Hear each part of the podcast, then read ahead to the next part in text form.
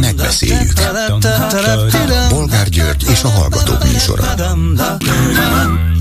Jó napot kívánok a Klubrádió mikrofonjánál, Bolgár György. Mai műsorunkban beszéljük meg, hogy múlt héten a Momentum legismertebb vezetője, Donát Anna, egész ellenzéki pályás letámadást indította a DK és Gyurcsány Ferenc ellen. Most viszont az LMP társelnöke Ungár Péter nem csak megvédte a demokratikus koalíciót és elnökét, de Gyurcsány Ferencet egyenesen Mózeshez hasonlította, aki elviheti az ellenzéket az ígéret földjére, bár ő maga oda már nem léphet be, hiszen nyilvánvaló, hogy nem lesz belőle újra miniszterelnök. Ungárnak volt egy másik érzékletes hasonlata is. Az ellenzékben vannak szobafestők és mázolók, megvan Sagál, utóbbi Gyurcsány. Ilyen szépeket még akkor sem mondtak Gyurcsányról, amikor kormányon volt. Mi történt? Mi történik? Következő témánk legalább ilyen meghökkentő, mintha a legrosszabbra készülne a kormány. Háborús és egyéb katasztrófa helyzetekre lakossági fogyasztási fejadagokat határoztak meg. Egy hónapra, egy személyre két kiló liszt, fél kiló cukor, 120 liter ivóvíz, három kiló hús, hat tekercs WC papír, mi van még, két kiló gyümölcsbeföld, két kiló, kilenc kiló kenyér, hát szóval ennyi jut, és így tovább. De mi ez? Mi van? Mi lesz itt? Mi készül? Mit szólnak ezen kívül ahhoz, hogy Dúró Dóra szélsőjobbos képviselő feljelentésére Csák János kulturális miniszter eltiltotta a 18 éven aluliakat a Nemzeti Múzeumban látható World Press fotókiállítás látogatásától, mert a világ legjobb sajtófotói között van egy Fülöp-szigeti sorozat melegek számára fenntartott idős otthonról, és hát ez rendkívül veszélyes, mint gondolhatjuk. Úgyhogy a gyerekvédelmi törvényre hivatkozva követelte a mi hazánkos képviselőnő a látogatás megakadályozását, és a miniszter engedelmesen bólintott, aztán pedig a Nemzeti Múzeum főigazgatója végrehajtotta az utasítást. Milyen ország ez? Pontosabban milyen kormány? Már azon kívül, hogy álszent. És végül beszéljük meg, hogy az RTL új Starbox című műsorában sztárok ütik vágják egymást. Molnár Áron például kiütött egy fodrászt, Nagy Ervint viszont kiütötte Árpa Attila. Kinek jó ez? Nekik? Nekünk, a nézőknek? És kinek fáj? Telefonszámaink még egyszer 387 84 52 és 387 84 53. Háló, jó napot kívánok! Üdvözlöm Bolgár innen a Pesti forgatagból. Nem tudom, hogy ezt a listát ön végigolvasta, hogy fejadagokban még mit szerepel? Igen. Van, van köztem még azt hiszem nemzeti sport, egy a fotilabda, és három belépő a Felcsúti Arborétumba. Látta ön? Hát ez a rész úgy látszik a mellékletben volt, ezt nem olvastam. Egy, egy friss hír amúgy bolgárítva, Rákos keresztül központban van a, a, a Rákosmenti Fidesznek az irodája, és van, aki nagyon megunta ezt a Putyin barátságot, mert szép nagy betűkkel grafitira ráírta, hogy Putyin kutyái, úgyhogy gondolom, hogy kinek üzentek. Putyin, Putyin kutyáinak irodája. Így igen, lenne igen, igen, igen, nagyon látványos, sokan fényképezik. Igen? Lehet, hogy ez ilyen katasztrófa turizmus lesz, meg fogják sokan látni. Bolgári még múlt hétről maradtam, és a Donát Nem mondja, hát múlt héten nem is jutott be egyáltalán? Tényleg? Nem, hát azért nem, azért kivárom a soromat, én nem Értem. Nem jó, jó, jó. Na, jó. Szóval Donát akkor Anna... egy kiló gyertyát minden esetre kap. Ön is áram már nem lesz. Akkor, bár a kormányunk az oroszokkal olyan jóban vagy, nem is tudom, hogy egyáltalán hogy vetődhetett föl bennük, hogy nem lesz áram. De hát mindegy, egy kiló gyertya. Polgárok, a diktatúrának a jellemző, hogy féljünk valamitől, tudja. Igen. azt még elfelejtettem mondani, hogy nem kapott hírt, és nem hiszem, hogy nem tudom, hogy valaki hozzászólt-e, hogy Schiffer András jogi tanácsokat ad a mi hazánknak. Nem, hoz, nem szólt hozzá senki, pedig én felvetettem. Hát, Bolgár úr, emlékszik ön arra, amikor a Jakab Péter még annak a jobbiknak volt a vezetője, aki ilyen szélsőséges volt, és nem nagyon szólalt, nem nagyon hívták meg a klubrádióba? Hát hogy nem? Amíg a jobbik szélsőséges volt, amíg ez, ezzel nem szakított, és nem indult el középre, addig itt nem szólaltak meg valóban. És mostantól a Sitter András ugyanúgy meg fogja szólaltatni? Nem, nem, a... azt hiszem vége, most már tényleg minden, minden vélt, feltételezett, kicsit magamra erőltetett jó hiszeműségem ellenére nem, nem, nem, nem. Ugye? Most akkor Ugye? lehet, hogy ő tanácsolt a Duró Dórának, jogilag természetesen, hogy a gyerekvédelmi törvényre hivatkozva zárassa már be a Nemzeti Múzeum, vagy 18 éven aluliak számára tiltsa meg a Nemzeti Múzeum kiállításának látogatását?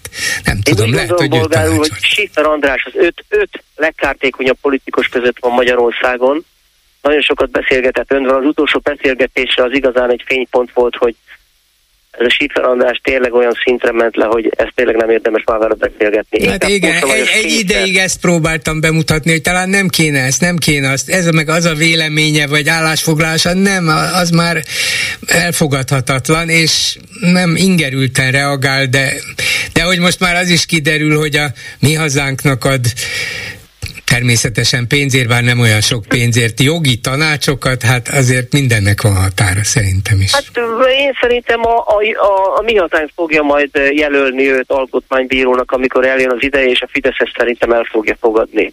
És megkapja a jutalmat azért, amit eddig, eddig ő működött közre. Nos, Donát Anna, hát bolgár úgy Donát Annával, mint a nagyszeremmel, aki megcsal.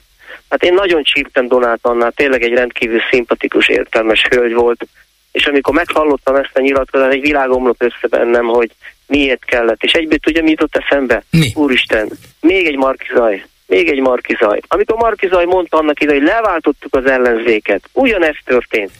Ugyanezt történt. Hát elmentünk szavazni a Markizajra, befogott orral, a hányinger kerülgetett minket. Én, én még akkor emlékszik, mondtam önnek, hogy milyen összefogás az, milyen baloldali vagy demokratikus tömörülés az, ahol egy volt Fideszes, egy, egy jobb oldalról kell kormányfőnek szavazni rájuk. Hát már akkor mondtam, hogy ez... Hát, nem volt, volt sok olyan azért a Fidesz körüli értelmiségben, hát mondjuk Márkizaj nem volt politikus, tehát őt ezért ebből a szempontból nem kéne ide sorolni, de bevallotta, hogy ő Fidesz szavazó volt.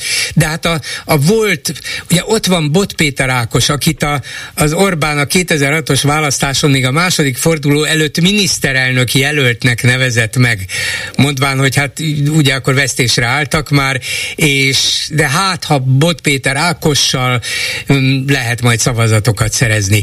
Tehát még viszonylag közel álltak egymáshoz, és Bot Péter Ákosnál kiméletlenebb, szisztematikusabb, pontosabb, konkrétabb, kritikusa kevés van az Orbán rendszernek. Hát miért ne lehetett volna elképzelni, hogy Márkizai is ilyen lesz?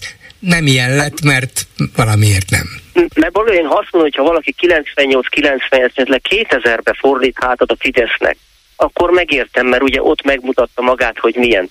Aki még 2010-ben is Orbánra szavazott, és ugye Markizai el is mondta, hogy rászavazott, Hát honnan gondolták az a 98 és 2002-es kormányzás után, hogy ebből az emberből még lehet normális miniszterelnök? Jó, hát, mi már mi átláttunk a szittán rögtön, persze egyébként Orbán nem titkolózott 98-as hatalomra lépése után már hetekkel, hónapokkal olyan durva dolgokat követett el, amikor ugye ez a minket követnek titokban, de ez a, ez a titkos megfigyelések a, a Deutsch nagymamáját is, vagy, és így tovább. Szóval rögtön abszurdum kinevezte Simicskát a, az adóhivatal élére. Szóval persze rögtön át lehetett volna látni a szitán, de azért az egy négy éves viszonylagos konjunktúra volt, és az emberek jó része úgy gondolta, jó, jó, hát ez politika, de végül is sok mindent teljesítenek, és nem volt kétharmaduk, tehát csak szerettek volna bizonyos dolgokat megcsinálni, de nem tudtak. Ezért aztán jó néhányan úgy intézték el magukban, hogy hát jó, nem mindent úgy csinálnak, ahogy én szeretném, de nem volt sikertelen, mondhatták. Szerencsére sikerült akkor őket leváltani, de megértem azokat a jobboldali szimpatizánsokat, akik akkor még nem akartak vele szakítani. Hát, bolgár úr, 1934-ben, 35-ben volt olyan ember, aki megértette Hitler. Tehát amikor az ember már kimutatja, fog a fejrét látni, hogy ez milyen típusú ember, hogy egy országot csak kisigerelni akar a saját családját. De azért nem mindegy, hogy tömeggyilkosságokkal, vagy csak uh, disznó, disznóhatalmi húzásokkal. Németország még 34 nem voltak tömeggyilkosságok, csak voltak megfél. Persze az egy máskor volt, száz év ezelőtt volt, ne hasonlítsunk. Visszatérve Dúró Dórára. A bolgárul, én úgy gondolom, hogy a, a, a, az Ungár Péternek a mostani bejelentés, ez a Sagál, meg ugye a egyebek hasonlítás, szerintem szerintem Donát Annának a mondandóját próbálják finomítani, próbálják kicsit megbékíteni a, a, a Gyurcsán Ferencet, mert azért mindenki tudja nagyon, hogy amit Donát Anna művelt, az egy olyan dolog, hogy ilyen politikussal lehet, hogy Donát annak igaza van. Lehet, hogy igaza van. Most tegyük fel, hogy, hogy igaza van. De hogy lehet ilyen kényes szituációban, amikor a Fidesznek csökken a népszerűsége, és az ellenzéknek pedig nem nő, hogy lehet ilyen kényes szituációban egy értelmiségi politikusnak ilyen kijelentést tenni? Hogy lehet egy évvel kilenc hónappal a választások előtt. Hát megint ugyanoda jutunk, mint az előző, hogy befogott orral megyünk szavazni. Hát Donát annak könyörgöm. Igen, hát ez, ez még Botkának se sikerült, ugye 17-ben, aztán Márkizainak sem sikerült 21-22-ben, és Donát Annának pedig, hát ugye ahogy telik az idő, úgy egyre kisebb az esélye annak, hogy ez sikerre vezessen, úgyhogy nem értem, azt a, vagy odáig értem, hogy a Momentum próbálja magát valamilyen módon megkülönböztetni a DK-tól. Rendben, ezt értem, mást is képviselnek, bár nincsenek annyira távol egymástól, de, de idáig értem. De egy ilyenfajta támadással szerintem a saját pártjának is többet árt, mint használ. De a Donát Anna mondta épp önnek, amikor riportot csinált vele, hogy ő neki mindenki azt mondja, hogy ahol a Gyurcsán nem szavaznak, hogy csináljanak valami mást. Csak az a gond, hogy a Donátonna pedig a nagy többséget nem érti a szavazókat, hogy nem fognak olyan összefogásra szavazni, ahol széthúzás van. És a Donátonna pedig ezt nem érti meg. Gyurcsán Ferenc lehet haragudni rá, megosztó politikus, polgár én a Dobravkára szavaztam, de én, én azt mondom, én is azt mondom, hogy a Gyurcsány házaspárnak le kellene lépni. De én is azt mondom, de jelen helyzetben nincs más megoldás. Erre kell szavazni, ezt kell erőltetni, és ezt kell a választók felé mutatni. Ha itt mindenki kibeszél, akkor kezdhetjük bolgár, akkor holnap után beszélgessünk a 2032-es vagy 36-os választásról. Igen, igen. De, ahol a legközelebb esélye lehet. Így van, így van. Tehát akkor ez lesz a vége. De köszönöm, bolgárul. De azért még egy mondatot igen? arról, bár itt van már Csillag István a vonalban, úgyhogy neki is egy pillanatra a türelmét kérem. Szóval uh, ugye Ungár Pétert én nem intézném el azzal, hogy megpróbálja ennek a Donát cikknek a kellemetlen következményeit enyhíteni. Ez itt egy egészen különleges hát mondjuk így politikusi vallomás Gyurcsányhoz, hogy ugye azt is mondja Ungár ebben az interjúban, hogy 2010 óta alapvetően megváltozott a véleménye Gyurcsányról, de hogy Mózeshez és Sagálhoz hasonlítsa őt, én ilyet a nagy politikában nem láttam. Most mi lehet Péter Bolgárul, én biztos vagyok benne, hogy a tudatmódosító szer alatt mondta. Nem, nem, nem, nem, nem. Bolgárul, nem. egy ungvár Péter nem mond ilyet. Nem, ennek valami oka van. De már Miskolcon is, Miskolcon is szövetkezett a DK és az LMP, hogy a jelenlegi polgármesterrel szemben egy DK-s polgármester jelöltet indítsanak. De bolgárul, amikor azt mondja Ungár Péter, hogy a klubrád egy szélső baloldali rádió. Az egy, az akkor... egy butaság volt, remélem, hogy ő is megbánta. Ha egyszer még itt nyilatkozik, akkor megkérem, akkor hogy, megkérem, hogy revideálja az álláspontját, természetesen az egy butaság volt, de, de ez azért ez azért bizonyos értelemben meghökkentőbb. Hát igen, köszönöm Bolga, és üdvözlöm a csillagurat. Köszönöm, viszont hallásra. Én is üdvözlöm csillagurat, mert a vonalban csillag is. Jó napot kívánok! Na, de itt most nem ilyen vidám témákról van szó, hogy Gyurcsány átváltott a festészetre, és ő az újságál, hanem, hanem valami egészen, legalábbis látszólag nagyon riasztó dologról, hogy tudnélik a gazdaságfejlesztési minisztérium összeállított egy útmutatót, egy, egy tulajdonképpen elolvasni is nehéz, hát még értelmezni, védelemgazdasági követelménytámasztó és tervező táblázatot, aminek alapján különböző katasztrófa helyzetekre, háborúkra, pandémiákra, akármikre meghatározzák, hogy hogy egy magyar állampolgár, egy ember egy hónapra mennyit, mennyit fogyaszthat kvázi központilag meghatározzák, hogy van nekem jogom két kiló liszthez, fél kiló cukorhoz, kilenc kiló kenyérhez, 120 liter ivóvízhez, egy kiló gyertyához. Hát igen, mintha a háborúra készülnének. Én tudom, hogy egy államnak mindenre fel kell készülnie, ezért feltételezem, hogy valami hasonló létezett már akkor is, amikor ön a megyesi kormány gazdaság, gazdasági minisztere volt, vagy tévedek? Minden e, nem csak magyar, hanem európai kormánynak kell, hogy legyen arra nézve egy felkészülési terve, hogy mennyit és hogyan kell és lehet előteremteni, biztosítani katasztrófa helyzetek köztük háborús helyzet idején ahhoz, hogy a polgárok, illetőleg a működő vállalkozások ellátása többé-kevésbé biztosított legyen. Ez lényegében egy tervezési útmutató volt az én időmben is, és mondjuk, hogyha a francia kollégát, vagy mondjuk a szlovén kollégát megkérdeztem, akkor ilyen, vagy ehhez hasonló náluk is természetesen volt. Nem állítom, hogy szerencsés dolog egy alapvetően belső tervezési útmutatót és az abban szereplő mértékegységeket úgy nyilvánosságra hozni egy lényegében nagyon feszült nemzetközi helyzetben, amikor azért nem olyan messze tőlünk egy agresszor Oroszország kardozik, nem olyan nagyon messze tőlünk egy másik háborús tűzfészek látszik kialakulni. Tehát én most azt mondanám, hogy maga a tervezés és az egyes mennyiségeknek a számbavétele az minden országban rendben van és zajlik, és erről nem kell, vagy nem feltétlenül kell vitát rendezni a nyilvánosság előtt, hogy sok vagy kevés az a fejadag, amire, mint stratégiai tartalékra törekedni kell, és hogy megfelelőek-e azok a felkészülési módszerek, hogy szerződést kell kötni, vagy stratégiai tartalékokat kell létesíteni, mert nem biztos, hogy ezt el kell a Hát főleg egy olyan előtt kormány tölteni. részéről, ami a legalap, amelyik a legalapvetőbb dolgokat eltitkolja nap mint nap az ország lakosságától. Erre egy ilyen nagyon veszélyes helyzetben, amiben tényleg vagyunk, itt van szomszédunkban egy háború, a közel-keleten készülődik egy,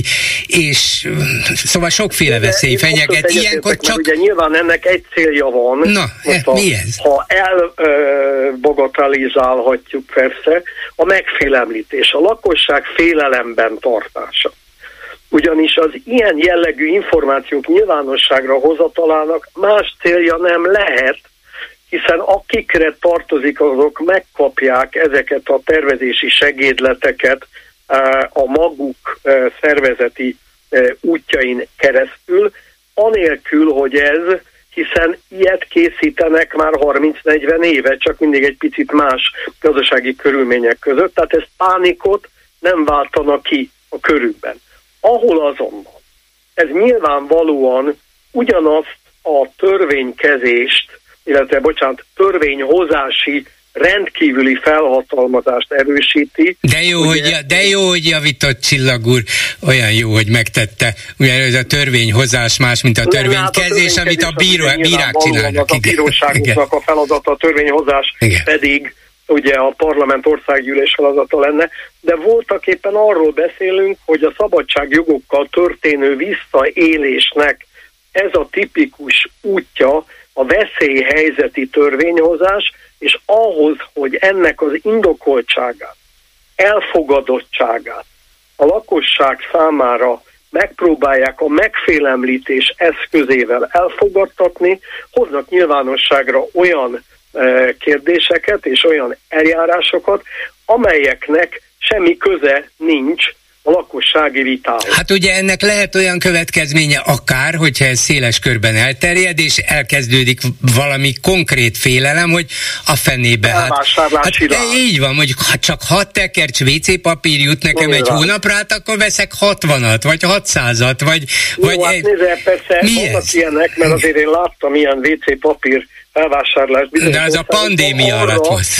Nem feltétlenül, amikor föl nyomtatták Putyin arcát ezekre a WC papírokra, és mindenki, mint az őrült, vásárolta ezeket. Tehát sokféle felvásárlás lehetséges, csak nem akarom elviccelni a dolgot, de természetesen, még egyszer megismétlem, egy ilyen jellegű törvénynek és a végrehajtásának a nyilvánosság előtti megrendezése az egy pánik keltő színjáték, a kormány megkérdőjelezhetetlen veszélyhelyzeti törvényhozása és szabadságjog csorbítási hatáskörének a megerősítése. Tehát lehet ennek... is készültek ilyen Igen. tervek. Csak nem kellett, ez az, amit nem, nem kell gondol. a közvélemémi órára kötni, mert hát ebbe úgyse tudok beleszólni, hogy most nekem három doboz gyufa kell, vagy öt, hát...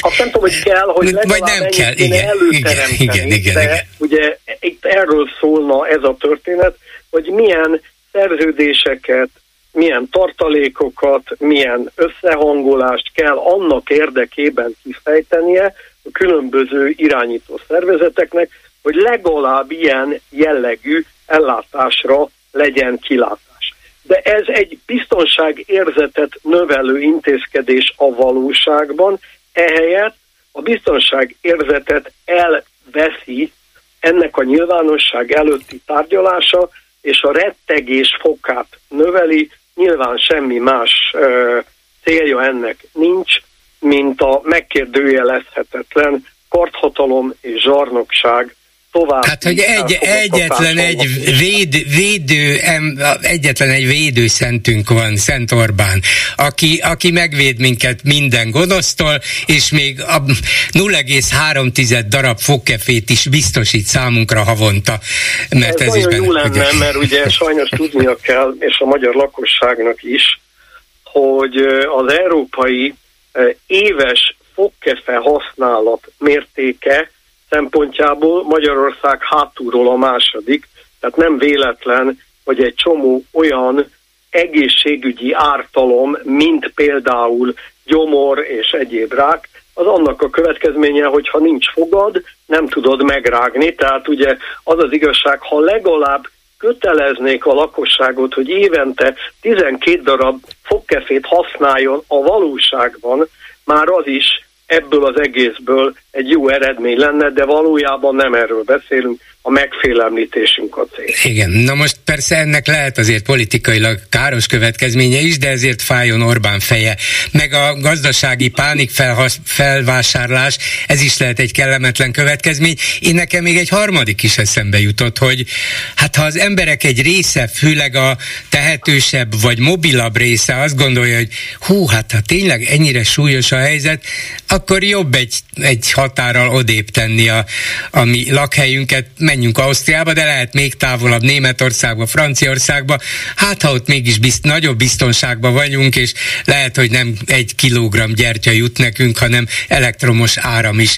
Nem lehet, hogy most nem akarok én túlságosan nagy feneket keríteni a dolognak, de annyira példátlannak érzem ezt a dolgot, és annyira meg lehet az emberek biztonságérzetét rendíteni ilyen valóban sok szempontból nagyon veszélyes körülmények között, hogy bármire elindulhatnak. Hát e, természetesen ez is lehet az egyik következmény, ezt nem tagadom, de hát az Orbán rendszer egésze a mindennapok szempontjából olyan hihetetlenül kockázatossá teszi az életet. A gyerekek tanítatása tanár nélkül, a kórházi ellátás a szükséges eszközök hiányában. A szociális gondoskodásnak a minimuma, amikor ennek az egyik legfontosabb apostolát, Iványit fenyegetik, hogy én nem hiszem, hogy egy ilyen törvény, illetőleg ennek a végrehajtása további indítékot teremtene. A józan életű emberek, és most ugye azt kell mondanom, hogy két statisztikai adat is alátámasztja ezt az ítéletet, nevezetesen a házasságkötések számának zuhanásszerű csökkenése a csok ellenére, és a gyerekek számának a csökkenése. Ez elég világosan mutatja, hogy Orbán országában mit is akarnak az emberek csinálni. Ha lehet, semmit. Inkább a szabadságot választják azok, akiknek erre van módjuk. Hát az, ez viszont a szabadságpártot kéne megalapítani, az még hiányzik. Hát nem lenne ez annyira nehéz, mert hogyha egy pillanatot csak átnézünk Lengyelországba, érdekes módon ott nem az európai minimálbér, ott nem a kedvező adó, ott nem a különböző ígéretek halmaza volt csábító az ellenzéki pártok mellett, hanem a nők számára a testi önrendelkezés, azaz az abortusz teljes betiltásának a feloldása, a szabadság eh, egyik eh, eleme, hogy a bíróságoktól most valóban már törvény kezésről beszélhetünk, a bíróságoktól a semleges és az hozzáértő bíráskodást várták el, és a sajtótól, illetőleg az Európai Unióval való viszonytól pedig a teljes kiszámíthatóságot, átláthatóságot, és nem pedig az elképesztő cenzúra kiterjesztését, amire kísérletet tettek Lengyelországban. De ott a pártok abban egyetértettek, hogy a szabadságot csak közösen lehet megvédeni, és akármelyiküknek lesz több szavazata, attól a többiek is csak erősödnek. Köszönöm szépen Csillag István volt gazdasági miniszternek. Viszont hallásra. Viszont hallásra. Háló, jó napot kívánok! Jó napot kívánok, Beszede Hajnalka vagyok. Parancsolj! E, az ország legkisebb megyéjéből jelentkezem, és itt egy picit tágabb kontextusban szeretném elmondani, hogy egyébként ne csak, a, ne csak Budapestről beszéljünk, én egyébként Budapesten születtem, és onnan költöztem ide. A, én egy kis, viszonylag kisvárosban lakom, de a megye székhely az tőlünk csak 10 kilométerre van, és ott egy összefogás, tehát az összefogással választották meg a pártokhoz nem tartozó független polgármestert. Egyensúly alakult ki a testületen belül, és nem mondanám meg a polgármester asszony nevét, de aki utána akar nézni, az ő is megtalálja. Szóval és egy jobbikos volt a mérleg nyelve, aki hol ide szavazott, hol oda. Uh-huh. Aztán egyszer csak a MSZP-sek és a DK-sok elkezdtek a fidesz együtt szavazni. Odáig folyult a helyzet, hogy hát nyilván való, hogy a nyilvánosság a polgármester egyik eszköze, illetve a képviselőtestület egyik eszköze arra, hogy az elképzeléseit, a tetteit, a, a a nyilvánossággal megértesse, ha akarja, vagy pedig befolyásolja. Minden esetre a megyei jogú városban megszűnt mindenféle kommunikációs forrása az önkormányzatnak. Megszüntették a városi lapot, a városi rádiót, mindent az ég világon. Azóta a polgármester asszony a saját Facebook oldalán ö, ö, próbál kommunikálnia. E, mondom, összefogás és ő nem uh-huh. változott. Ő nem most, ment most lehet, hogy nem akart itt neveket meg helyeket mondani, de miután az ország legkisebb megyéről beszélt, az gondolom Nógrád megye, nem? Nem, nem, nem. nem. Nógrád a Komárom legkis... Esztergom. Komárom Esztergom kisebb, megye, területileg, területileg legkisebb megye. Látja, ez, akkor ez azt tudtam. Jó. Na most egyébként a Gyurcsány kérdésre szeretnék, ö, ö, ö, és ez ad egy bizonyos, tehát azért mondtam ezt előre, mert ez ad egy bizonyos bizalmatlanságot.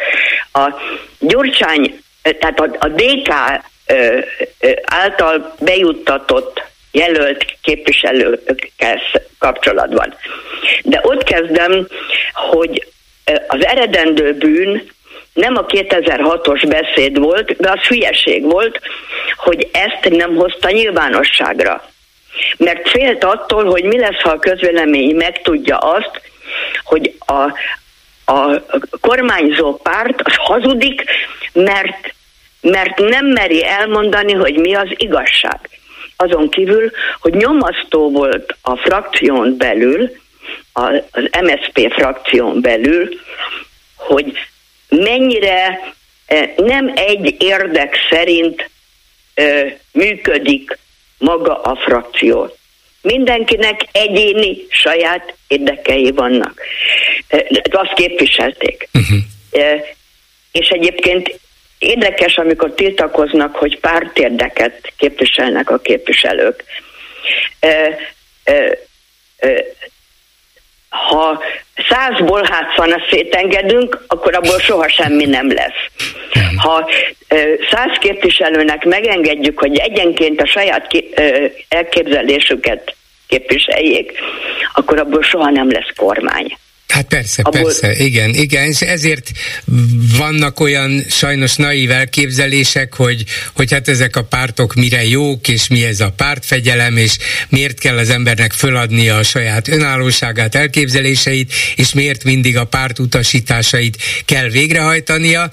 Nem kell mindig, meg lehet vitatkozni, de végül is a párt azért párt, hogy valamilyen módon megszervezze a saját közös tevékenységét, és ehhez... A ehhez mindenkinek vagy, valahogy hozzá kell járulnia a pártból. A kérdéseket meg kell vitatni, Igen. aztán kell hozni egy döntést, és akkor tessék mellé állni. Vagy ki lehet szállni a buliból. Így van. Ez a két megoldás van, persze az is megold, az is probléma, ha kiszállnak a buliból, mert onnantól nem tud játszani a csapat, mert elfogyott. Na most a, a súlyos bűnöket szerintem, ami miatt a Gyurcsánynak nagyon megromlott a renoméja, azt 2006 után követte el. Össze-vissza kapkodott. Állandóan meg akart felelni egy, egy elképzelt, vagy a tanácsadói által javasolt ö, modellnek, ö, igénynek. De nem lehet negyed évente megváltoztatni az elképzeléseinket legalább végig kellene vinni. Emlékeznünk kellene arra, és sajnos kevesen emlékszünk. Most, és szitokszóként jött a 300 forintos orvosi vizitdíj.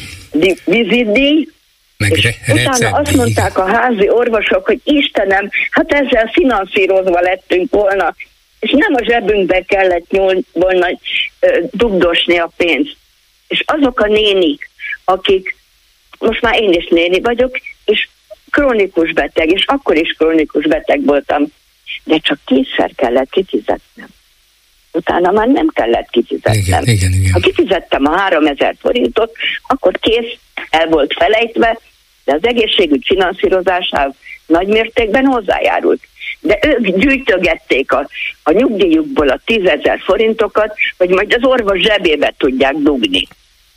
Hát mennyivel is, na de ez a, nem csak a népszavazás miatt bukott meg, hanem azért, mert a kormány nem tudta ö, teljes merszélességgel támogatni. Hát mert, a, mert, Gyurcsány, mert Gyurcsánynak az összödi beszéd után, és az utána kibontakozott nagyon kemény, sokszor nagyon durva és erőszakos tiltakozási hullám után állandó védekezésben kellett kormányoznia. Ezért aztán nem csoda, hogy ide-oda kapkodott. Meg Igen. volt egy, egy gazdasági visszafogás volt is. egy súlyos gazdasági és válság. És aztán egy súlyos bizony. gazdasági válság 2008-ra. Így van. Világválság válság volt, amit ahhoz hasonlítottak, hogy talán a 1929-es volt Igen. ennyire súlyos. Igen. Hogy azóta nem fordult elő ilyen. De korábban kellett volna lemondani. És korábban kellett volna teret engedni a Bajnai Gordonnak. Bajdai Gordon úgy növelte meg a renoméját egy év alatt, hogy közben egy rakás megszorítást hozott. De Bajnai Gordon valahogy meg tudta értetni azt, hogy összeomlik az ország, ha ezt nem csináljuk meg. És értelmes, és következetes, és konzekvens volt az, amit csinált. Ettől De aztán hiteles. igen, viszont azt mondta, hogy csak egy évre vállalja, és utána visszavonul a politikától, amit aztán mégis megváltoztatott. és igen, igen, és, igen. és úgy látszik, és hogy jött itt... egy Mesterházi Attila. Igen, igen, és aztán megint visszalépett a politikától. Na, igen, igen, és a Mesterházi Attila azt hitte, hogy ő a géniusz. És hogy igenis azért, mert nagyobb a pártja, mint az Együtt 2014-nek, ezért aztán hogy jön ahhoz egy bajnai Gordon, akinek hitele volt. És ez, az, ez a legfontosabb. A Gyurcsány Ferencnek e, számomra is, és sokak számára a hitelét veszítette el. Na de épp ezért érdekes, hogy Ungár Péter számára pedig éppen, hogy a hitelét szerz, szerezte meg újra. Ungár Péter pedig egy kicsit uh, tudathasadásban szenved, mert a, az LMP az a lehet más a politika, az Sifer András pont azért hozta létre, hogy a Gyurcsány kormányzással szemben. Igaz, hogy Sifer András is már elment ö, már, már túl van minden határon, már a világűrben kint van, de, de szóval az, az sem baj, ha azok, akik politikusnak ö, tartják magukat, elvi politikát folytatnak. Hát ez így van. Köszönöm szépen, asszonyom, viszont hallásra. Kérem, viszont hallásra, köszönöm én is. Háló, jó napot kívánok! E, jó napot kívánok, Gergely vagyok Budapestről. Parancsoljon. A egyik mai téma ez a WordPress fotó kiállítás. Igen. Szóval kapcsolatba hozott intézkedés, és ugye kormányunk újabb egyik, egyik látványos intézkedés, ugye, hogy a fiataljaink lelki fejlődését megmentsék, egyengessék. Ezzel kapcsolatban jutott eszembe egy ilyen kis történet. Van egy budapesti rádió, a Béz FM. Nem tudom, ez igen, igen. Úr? Mert hallgatni nem hallgatom, de ismerem, igen. Én, én, én csak amiatt hallgatom, hogy tinédzser fiaim vannak, és szeretek én is. Uh-huh. Nem is azt mondom, hogy napra kész lenni, de azért tudjam a nai műfajokat. És Egyébként nagyon jó, és nagyon sok magyar előadó is fellép, de ugye maga a rap kultúrából jön, hogy azért vannak elég erős szókimondó szövegek, és tehát azért gyakori az ember bekapcsolja, és ezeket ugyanúgy rotálják, tehát nem az, hogy jaj, hát egyszer az egyik számban mondtak egy S betű szót, a másikban egy B betű szót, hanem ezek naponta lemennek. De múltkor volt egy olyan erős dal, egy amerikai rap szám, amit először a kocsiba ültem, és elnevettem magam, hogy mondom, ezt tényleg leadják angol uh-huh. szám, de a rap, maga a refrén az az volt, hogy a rapper, fekete rapper, ugye a társnőjének nem, na, felszólította, hogy okozzon neki orális örömet. Igen. És ez megy 6-8-szor egymás után. De és tudni kell hozzá angolul. Igen. De tudni kell hozzá angolul, nem? De, és itt jön, ez lehet, hogy 30 éve Ugye emlékszik még arra, polgár úr, mikor nem tudom, tíz éve volt média tanács, nagyon kikelt magából, és a tilos rádiót látványosan megbüntette, mert karácsonykor... Már régebben is volt ez, igen, igen, igen. És, és akkor is ezt mondták, hogy hát ezt senki nem érti, egy olyan slang, amit tényleg senki nem tud, hogy erre odafigyeltek, direkt kihallgatja karácsonykor a tilos rádiót, de hogy ott leadták. Ez pedig most megy napközben, és a nagy különbség, hogy a mai tizenévesek már beszélnek angolul. Uh-huh. És, ahogy, igen, és ahogy én hazaértem, az volt az első, az egyik filmet kérdeztem, hogy figyelj, te ismered ezt az előadót? Mm. Az lehet, hogy az egyik számában azon? Ja, igen, Fater, az az. Mm. Mondom, de ez komoly? Spotify-on megnéztük a szöveget, tényleg ez. És ezután tényleg csak ez jutott az eszembe, hogy uh, mikor jön a egyik oldalról ugye a gyermekek lelki fejlődése, mindent megteszünk érte, Közben ugye azért bizonyos sajtóorgánumokat meg elhallgattatunk, minden mondva csinált indokkal, Láss Klubrádió, bár elhallgatnak, nem tudták szerencsére.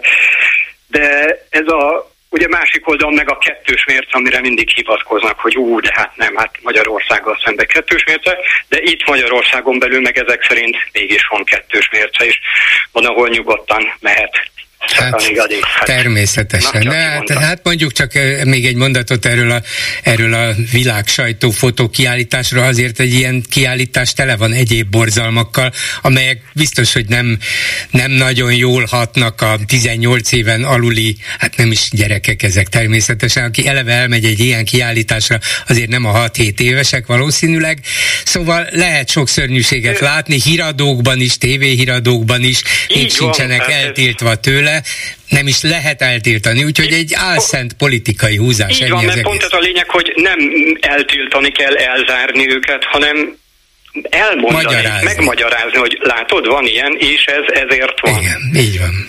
Köszönöm hát, szépen, hogy jelentkezett. Köszönöm, hogy meghallgatott. Viszont hallásra. A vonalban pedig megint Stumpf András a válaszolnáink munkatársa. Jó napot kívánok! Jó napot kívánok! Úgy látszik, már rovatot kell adnom ennek. De ennek, ennek az az oka, hogy nem csak Donát Anna írt egy feltűnő és máig visszhangot keltő cikket a Válasz Online-on, hanem most Ungár Péterrel készített egy interjút, ami szerintem legalább annyira megrengetheti az ellenzéki világot, mint a Donát féle kirohanása a DK ellen, mert amiket Ungár Péter mondott Gyurcsányról, meg a DK-ről, de főleg Gyurcsány Ferencről, hát én olyat még akkor sem hallottam, amikor, amikor Gyurcsány pályája delelőjén volt. Én sem. Na ugye, Nem. Mi, mi ez? Mi, mivel magyarázza?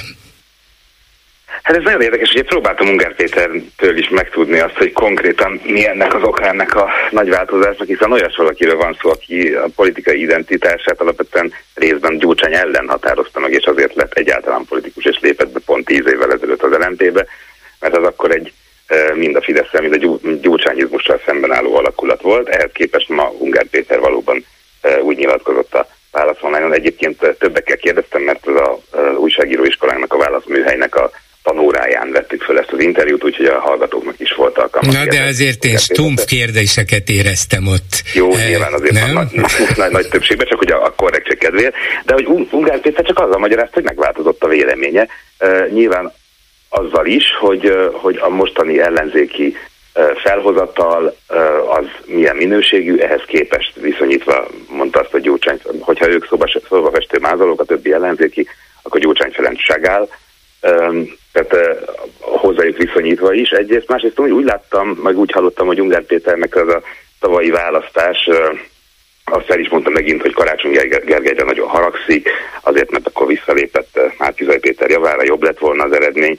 Tehát az, hogy ennyire rossz eredményt értek el, pedig most megtették azt, amit korábban mindenki problémásnak nevezett, hogy nem álltak be 18-ba ugye az összefogásba, és ezért lett megint kétharmad. Most beálltak ők is, és meg mégis kétharmad lett, tehát hogy gyakorlatilag az ellenzék minőségét szokta felhozni, és hát ezen belül meg, hogyha így nézzük, akkor persze nem dolgom, hogy megmagyarázom, hogy Ungár Péter igaza van vagy sem, de hogy akkor érthető, mert hogyha ki, ki az, aki a legnagyobb szeretet szakítja ki az ellenzéki tortából, az mindenképp a DK, tehát ők most a legnépszerűbb ellenzéki párt, nem olyan nagyon nehéz akkor azt mondani, hogy akkor nyilván a... Hát ez, a ez nem olyan nehéz, de azt, hogy egy Mózes, vagy azt, hogy egy Sagál, hát ahhoz vagy képzelőerő kell, vagy valamilyen egészen különleges kapcsolat.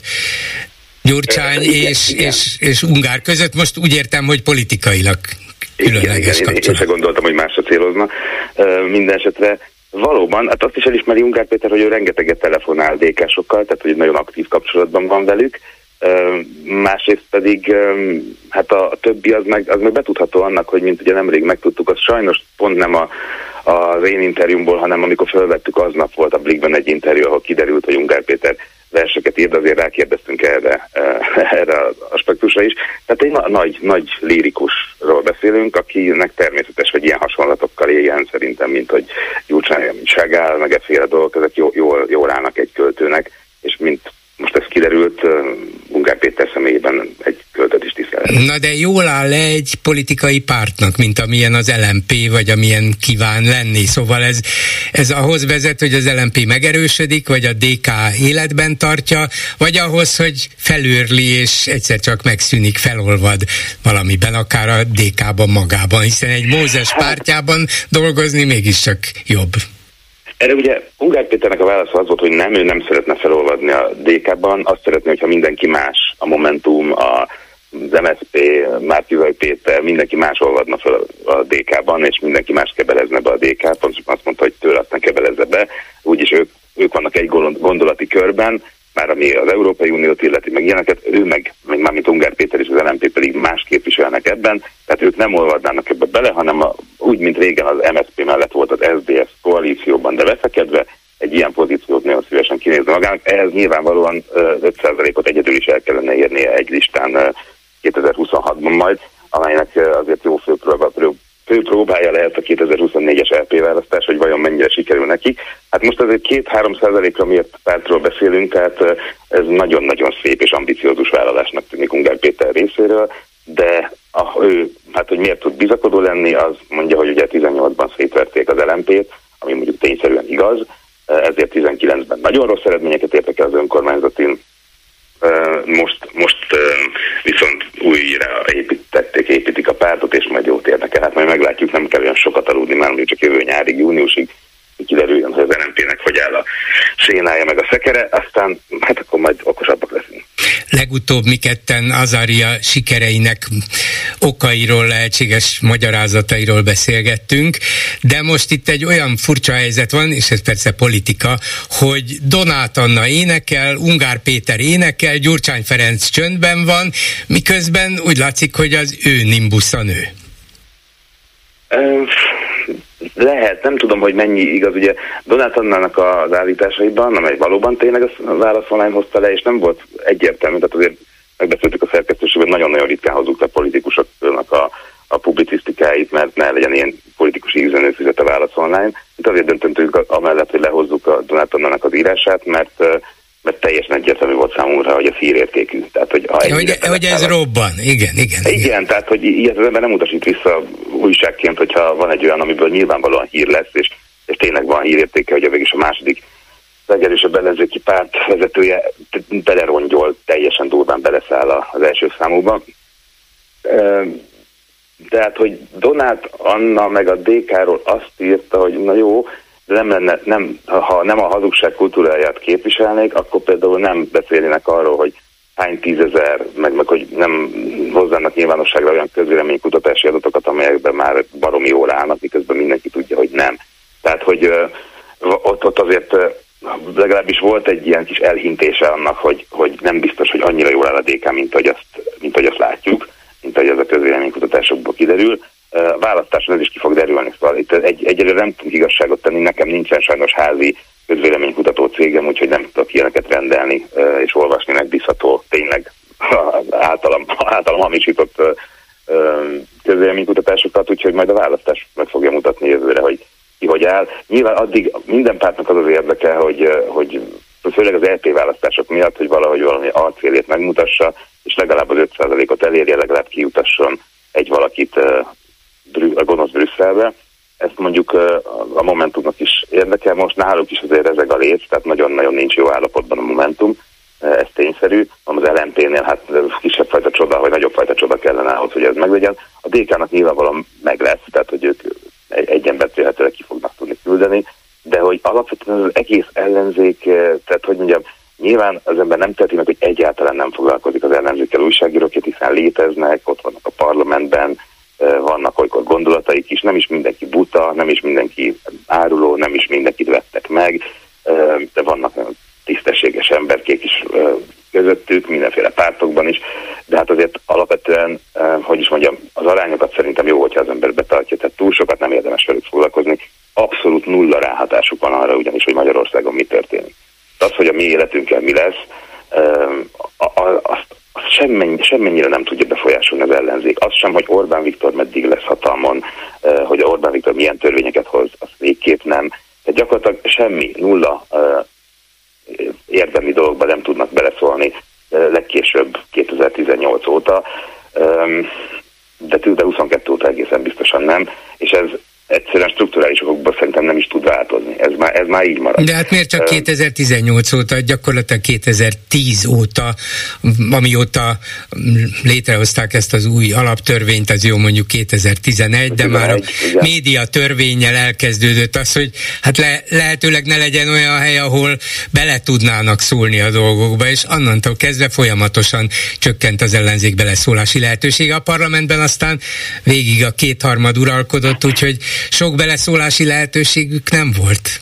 Azért, azért volt, tehát hogy mondjuk még az első két-harmad idején hiába tényleg volt 2011-ben alkotmányozás, de akkor még egyszerűen nem, nagyon jól mondta az imént, hogy folyamatosan és mondjuk fokozatosan e, csökkent a mozgásterük, tehát mondjuk 13-14-ben teljesen elképzelhető volt, hogyha hogy volt egy más stratégiát folytat az ellenzék, máshogy fog össze, ha akkor igen, ki, kiadja gyurcsányékat, abból az összefogásból, és és Bajnait állítja maga, maga élére, valószínűleg akkor többre Igen, jutott tehát, volna. Nyilván ezt nem tudjuk már leellenőrizni, de akkor, akkor valós esély volt arra, nem csak arra, hogy egy következő kétharmadot megakadályozom, hanem akár még nyert 13-ban például tök jól álltak. Aztán gondoljunk bele, hogy 14-15 fordulója, még a migráns válság beköszönt előtt, és a, amit a baromi jól meglovagolt aztán a Fidesz, hát ott még a kétharmad se volt, meg ott elveszett a kétharmad egy, egy időre, tehát hogy Igen. nem mint hogyha akkor már annyira rendszerűen fontos lett volna, de azért, hogy is mondjam, volt még azért 2014-15-ben, hát 15 óta mondjuk nem nagyon, csak hát azért mondtam 18-ot, mert amikor a harmadik kétharmad ö, megszületett, amikor Orbán Viktor számára teljesen egyértelmű lett, hogy totálisan uralhatja az országot, amikor ugye a régió címórájával, harcos társával, Simicska Lajossal már három éve ment a bajuszakasztás, de ott, ott nyerte meg azt a meccset is, tehát ott volt egyértelmű, hogy a gazdasági átország, a mindent, tehát hogy gyakorlatilag ő egy személyben irányít mindent, a pártot is, meg az országot is. Onnantól teljesen esélytelen, hogy az ellenzéknek bármi szerepe lehet labdába tud, tud rúgni. Legalábbis, hát ugye az önkormányzati választások lehetnek azok, vagy voltak azok 19-ben, ahol, ahol viszont azért még az ellenzék fel tudott villantani egyet más, tehát azért nem szerepeltek annyi, annyira rosszul, sőt tök jól. Sikerült például elhozni a fővárost. Ez az, ami, ami még egyébként nagyon érdekes lesz, mert, mert helyi szinten tudnának, tudnának valamit alkotni, akár el is hozhatnának polgármesteri helyeket is. Ez viszont tényleg azt kellene, hogy ne egymásra induljanak. Nem véletlen, hogy a kormánypárt még nagyon az saját szempontjából rettentő okosan ugyanarra napra írta ki az EP választást meg az önkormányzatig, azért, hogy ne, tehát hogy a két szempont az ütközzön az ellenzék számára. Egyrészt meg kell mutatniuk, hogy ők mennyivel jobbak, mint a másik ellenzéki párt, az meg mennyivel rosszabb, mint ők. Viszont ez az EP választás, mert ott ugye listáson indulnak, másrészt viszont meg kéne állapodni valahogy az önkormányzati helyekről. Ez egy olyan helyzet, amire egyébként Ungár Péter is fölhívta a figyelmet, hogy Ungár, Ungár Anna, bocsánat, az a nővére. Donát Anna, Donát Anna úgy ír arról, hogy a DK hazugság kultúráját képviselés vállalhatatlan, és nem, nem lehet a gyurcsányjal semmilyen módon együttműködni, hogy közben pedig önkormányzati helyekről egyezkedik a Momentum meg a DK, és arról meg egyeztetnek. Tehát, hogy, Na jó, uh, ut- utolsó kérdésem az, hogy nem esett le a székéről, bár nem tudom, ülve kérdezte Ungárt vagy Álva, hogy mikor ő azt mondta, hogy Gyurcsány elvezetheti az ígéret földjére az ellenzéket, mint Mózes. Igaz, hogy oda már ő nem léphet bele, be, be csak úgy, mint Mózes, de hát ez, ez, a, ez a hasonlat, ez, ez nekem mindent visz. Hát szerintem barom jó hasonlat, ezen, ezen Gyurcsány Ferenc uh, háborodjon fel, aki ugye... De, de, de nem kell, hogy fölháborodjon, vagy, hát, vagy, szerintem vagy, boldog, aki, nem? Aki, aki a nagyon hős ateista képében szeret tetszelegni, az legyen neki probléma, hogy bibliai utalás van. Szerintem egyébként tényleg érdemes elolvasni a kedves hallgatóknak ezt az írást, ugye, hogy van, mert Ungár Péternek van egy nagyon vicces válasza. Az én kedvencem az volt, mikor megkérdeztem, hogy köszöntenek is olyomlátló temetésen Schiffer András, amire ő azt válaszolt, hogy a hivatalos válaszom az, hogy igen. Tehát ennyire, ennyi, ennyire szépen azt mondani, hogy nem, én még nem hallottam ilyet. Tehát van, van benne egy-két ilyen sziporkázó válasz. A Mózes, a Sagál, meg a hivatalos válasz. Na most akkor a költő beszélt önnel, vagy a politikus? Szerintem ez ugye elválaszthatatlan. Le- lehet, hogy Ungár Péternek, a kiderül majd, hogy ki is ő és milyen álnév alatt ír, lehet, hogy nagyon nagy jövője van a magyar költészetben. A politikában, hát nem tudom Köszönöm szépen Stumpf Andrásnak, a Válasz Online munkatársának. Viszont hallásra! Viszont hallásra! Akkor röviden a mai témáinkról. azt követően, hogy a múlt héten a Momentum legismertebb vezetője Donát Anna keményen bírálta a DK-t és Gyurcsány Ferencet, most az LMP társelnöke Ungár Péter nem csak, hogy megvédte a pártot és annak elnökét, de Gyurcsányt egyenesen Mózeshez hasonlította, sőt, az ellenzéki politikusokat szobafestőnek, mázolónak minősítette, Gyurcsány pedig egyenesen ságálnak. Úgyhogy érdekesen alakulnak a, az ellenzéki kapcsolatok, kapcsolódások, szimpátiák és antipátiák. Nem tudom, mire vezet ez. Egyelőre láthatóan van egy meglehetősen, szoros DK-LMP szövetség. Lehet, hogy túl erős ez a kifejezés, de szoros együttműködés, míg a többi párt között ez nem látszik. Aztán mintha a legrosszabbra készülne a kormány, háborús és egyéb katasztrófa helyzetekre lakossági fogyasztási feladatokat határoztak meg, mondjuk egy hónapra egy személyre két kiló lisztet, három kiló húst, hat tekercs WC papírt, és így tovább. Ez ugyan normális, minden országban csinálják, és nálunk is volt ilyen, de vajon miért hozzák most nyilvánosságra? Csillag István szerint, akit megkérdeztem erről egy órája, nyilvánvalóan így akarnak félelmet kelteni a lakosságban, olyan félelmet, amit esetleg csak az Orbán kormány is, ami megbízható, erős vezetőnk tud eloszlatni. Ő az, aki megvéd bennünket minden rossztól, még úgy is, hogy adott esetben, ha minden kötél szakad, akkor az az egy kilogramnyi gyertya, amire szüksége lesz minden embernek, biztosítva lesz. Mit szólnak aztán ahhoz, hogy Dúró Dóra szélsőjobbos képviselő feljelentésére Csák János kulturális miniszter eltiltotta a 18 éven aluliakat a Nemzeti Múzeumban látható World Press fotó kiállítás látogatásától, mert a képek között ott van egy Fülöp-szigeti sorozat is, melegek számára fenntartott idős otthonról. Hát ez pedig olyan szörnyűség, amit egy 18 éven aluli fiatal nem nézhet meg. Mindezt a gyermekvédelmi törvényre hivatkozva. És végül az RTL új Starbucks című műsorában sztárok ütik, vágják egymást, Molnár Áron kiütött valakit, Nagy Ervint pedig kiütötte valaki. 387 84 52 és 387 84 53 a számunk. Háló, jó napot kívánok! Tiszteletem, Holla Iván vagyok. Parancsoljon. Vagyok, ugye? Igen, Vonalba. igen, igen. Én redukálnám magam Gyurcsányban, pontosabban csak a Gyurcsányikhoz szeretnék hozzászólni, a választásokhoz szeretnék hozzászólni. Biztos emlékszik Bolgár úr, hogy 1998-ban a 98-as országgyűlési választásokon nem a Fidesz kapta a legtöbb szavazatot, hanem az MSZP kapta a legtöbb szavazatot. Igen. Azért tudott a Fidesz kormányt alakítani, mert összeborult a kisgazdákkal. Meg kereszténydemokratákkal, de a jelentős a kisgazdák a Tordjánféle. Emlékszik erre? Hát hogy nem, hogy nem. Igen. 2002-ben azért is bukták el, mert akkor is egy ilyen hasonló, hasonló hogy mondjam, tendenciában kormányoztak, mint, mint amit most teszik, csak már kiavították azokat a hibákat, akkor nagyon vicces volt, ha, ha emlékszik rá, biztos emlékszik, hogy Dajcs Tamás sportminiszter Mocsoládon 400 millió forintért, akkor ugye az egy másik 400 millió forint volt, olyan tornacsarnokot, vagy nem is tudom mit akart, vagy különítette el pénzt, és talán hozzá is köztek. Mocsolád, azt hiszem Mocsolád volt teljesen, mi csatorna sem volt abban a, a, abban a faluban.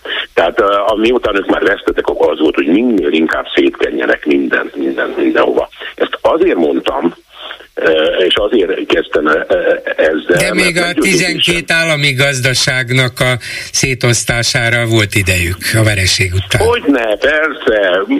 Sok mindent lehet mondani, de róluk, és nem is, nem is gondolom, hogy, hogy vissza kellene mennünk ilyen messzire, csak csak azért erre emlékszünk, akik nem 20 évesek vagyunk, és nem 30 évesek, sajnos. Igen. Manapság. Azt illene tudomásul venni, hogy ma az a gyorsan előző, egy, egy picit, picit elő, előzetesként mondom, hogy nem vagyok békás. De azt illene tudomásul venni, hogy a Gyurcsány Ferenc pártja, a demokratikus koalíció, a koalíció a legnagyobb ellenzéki erő. A legnagyobb ellenzéki erő. Azt is illene tudomásul venni, hogy aki érdemben, érdemben fel tudott lépni az Orbánnal és a fidesz szemben, az a Gyurcsány Ferenc, aki tényleg föl tudott lépni velük, akinek, akinek aki kipróbált ember volt ebben a, ebben a, a, a, korma, a miniszterelnöki pozícióban, és akit, tetszik vagy nem, az akkori pártja, a Magyar Szocialista Párt furt meg. Emlékszünk Szili Katalin félre köztársasági, vagy igen, köztársasági elnök akart lenni, vagy nem, ezzel szét is rúgták az SDS MSZP kollekciót, és belülről fúrták meg. Abban én nem vagyok biztos, hogy a 2006-os összödi beszédet, ami szerintem egy baromi jó beszéd volt egyébként, azt a Gyurcsány szivárogtatta ki, vagy valaki tényleg kiszivárogtatta, de túl jó minőségű volt az a felvétel, erre is biztos emlékszik a, a, ahhoz, hogy ez valaki ott egy telefonnal nem, vagy biztos nem, biztos nem azzal, igen, igen. Igen, ha pedig, ha pedig profi szinten, már pedig profi volt a felvétel, hát akkor meg pontosan lehet tudni, hogy ki kezelte azt a profi berendezést. Tehát azt szeretném mondani, hogy, a, hogy ebben az országban, hogyha a Fidesz kétharmaddal tud kormányozni, és az ellenzék, az ellenzékerők tök mindegy, mennyire vannak szétmorzsolva. Semmit nem tudnak csinálni, csak ilyesmit, mint amit a hírekben hallottam, hogy most a felszólítja, nem is tudom melyik párt, a Novák Katalin, hogy ne írja alá. Hát hogy ne írná alá? Hát ez most kom- valaki komolyan gondolhatja, hogy a Fidesz fülbevalós Novák Katalin nem fog aláírni egy Fidesz hát által. Nem, de attól még fel lehet őt szólítani. Hát leg, legfeljebb megint kiderül, hogy persze, hogy nem írja. Igen, de ez, ér, de ez értelmetlen. Semmi másról nem szól, mint arról, aki éppen felszólította, hogy azt mondja, hogy, hogy, hogy na, megtettük, akkor kipipáltuk, kicsit elleneztük. Addig, és, és ugyanúgy nem gondolnám, hogy jót tenne az országnak a mai ellenzék, akár a DK, maradjunk csak a DK-nál, kétharmados többséggel irányítana az országot, szerintem akkor működhetne ez az ország demokratikusan, akkor lennének egyensúlyok, hogyha, hogyha közel 50%-os arányok lennének ellenzék és kormányzó pártok között, között, és tudomásul kellene venni, hogyha nem sorolnak, ha a mostani ellenzéki pártok nem sorolnak be a DK mögé, jelen pillanatban ugye ez van, és nem valószínű, hogy ez rövidesen hát Mondjuk azt, hogy mellé, nem lehet lehet, hogy azt is lehetne nem mögé, hanem mellé.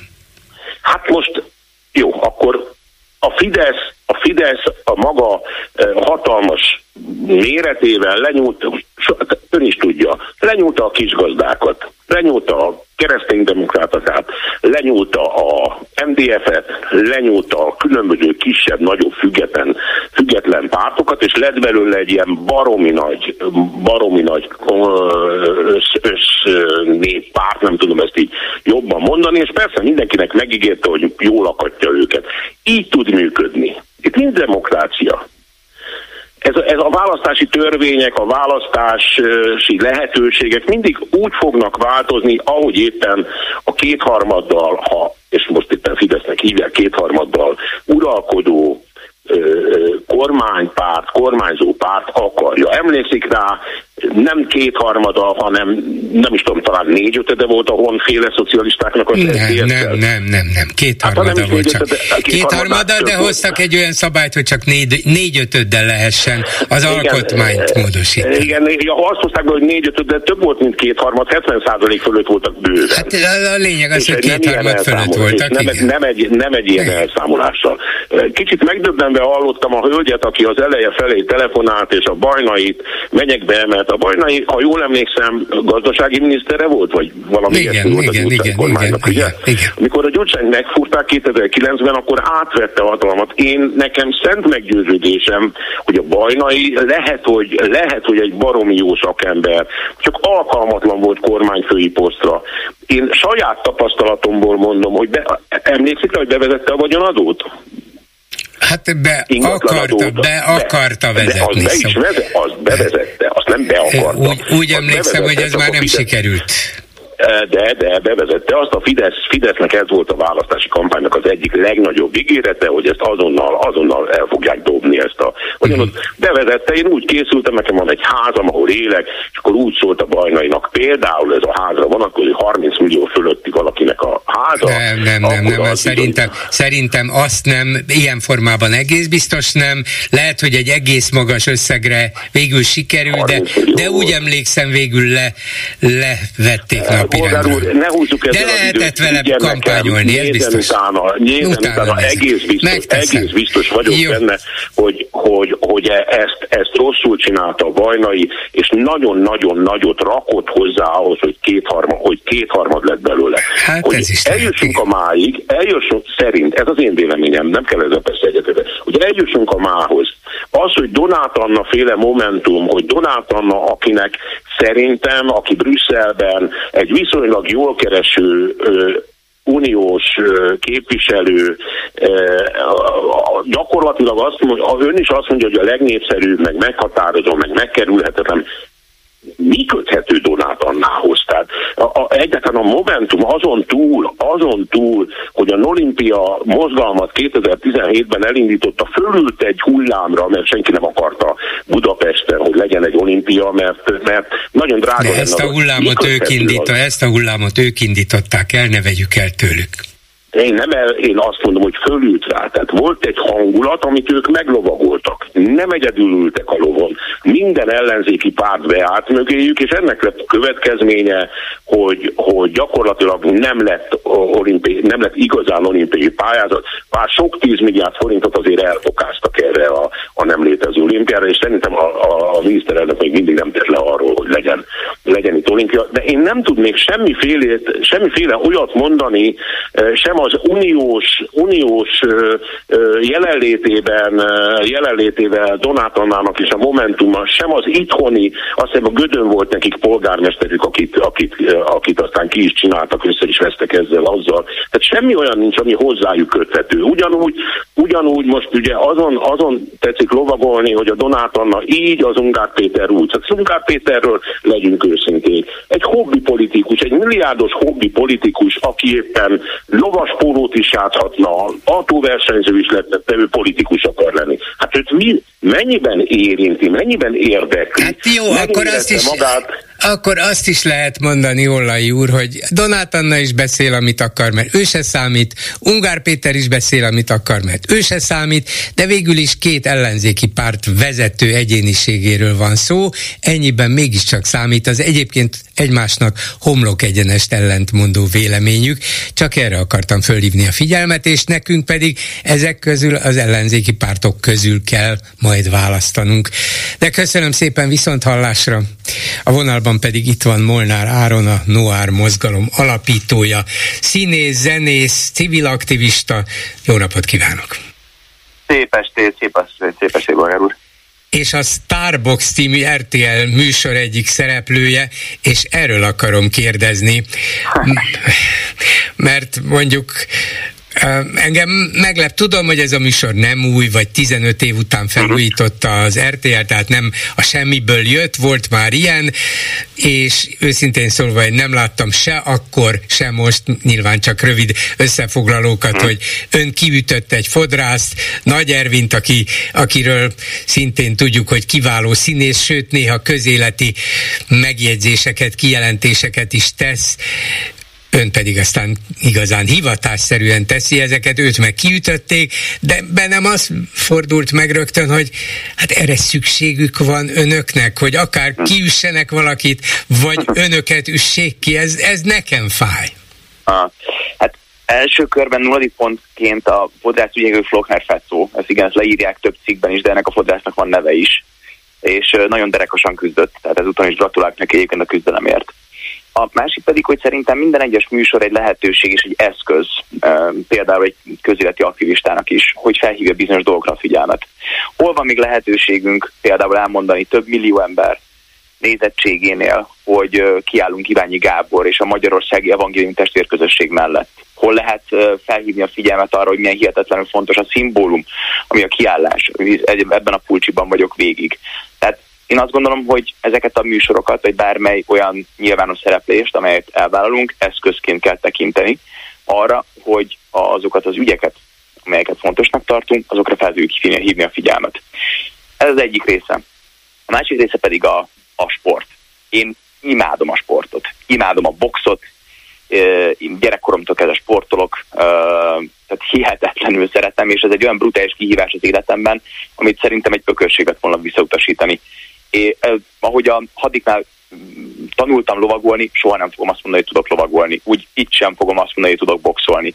Gyerekkoruk, gyerekkoruktól kezdve kiképzik ezeket a srácokat, elképesztő harcosokat faragnak belőlük, tehát így én igazából csak megkóstolom ennek az egésznek a, azt, azt egy nagyon kicsi szeretét, és ezúton szeretném elmondani, hogy azért is fontos, hogy lehessen beszélni erről a műsorról, hogy felhívjuk erre a sportra a figyelmet, hogy oda tudjuk újra fordítani a fókuszt. Mert amikor én gyerek voltam, sosem fogom elfelejteni, mennyire szurkoltam a kokónak.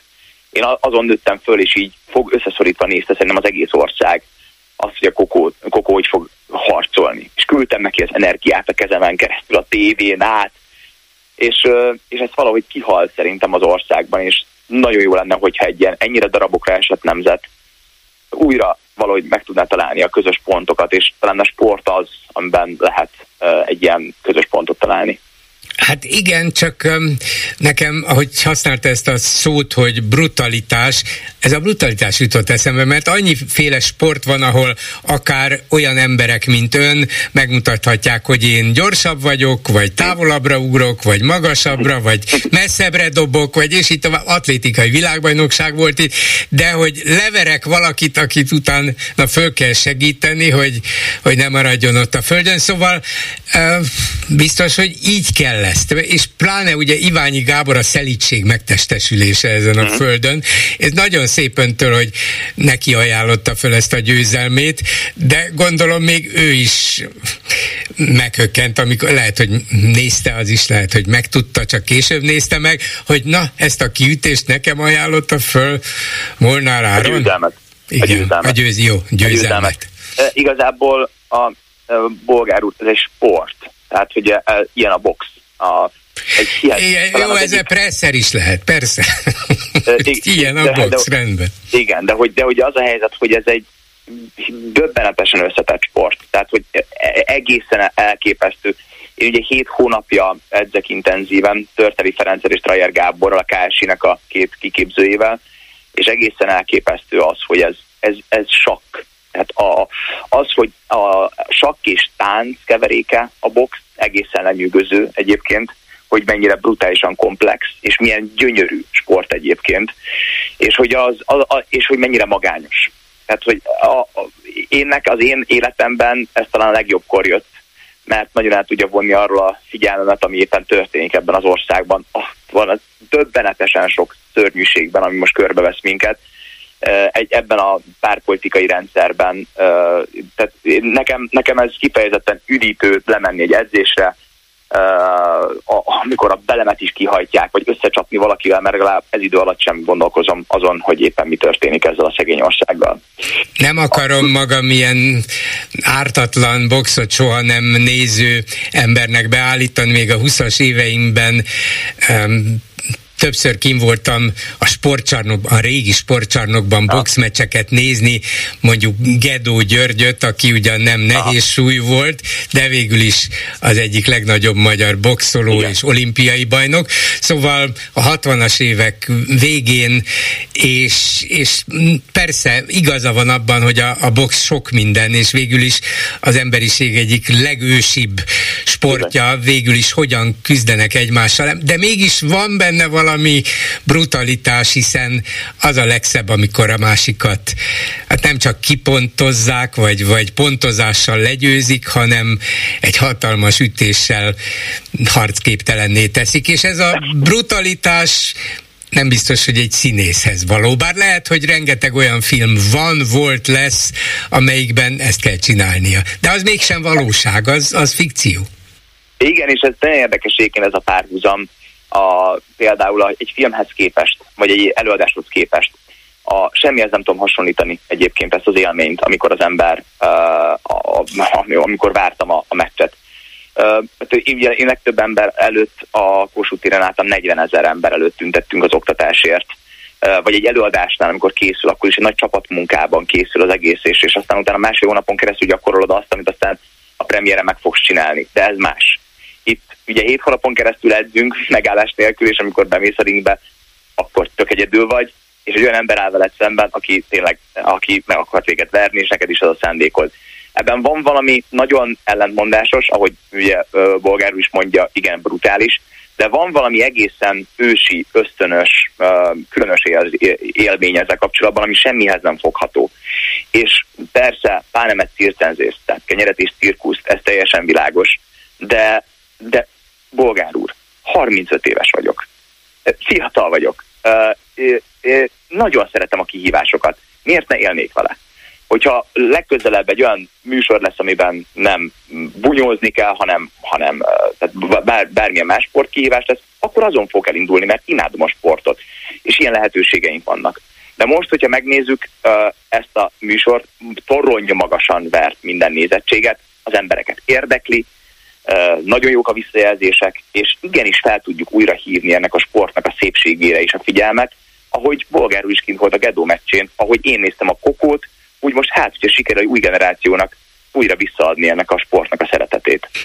És nem gondolja azt, hogy egy ilyen műsorban való részvétel és a mondjuk sikeres boxolás az valamennyit el fog venni az ön közéleti kiállásából? Mert esetleg sokan, akik, akik hát nézték csodálattal, elismeréssel, lelkesedéssel, amit a közéletben mutat, azok azt mondják mondani, na de elment az RTL-be boxolni.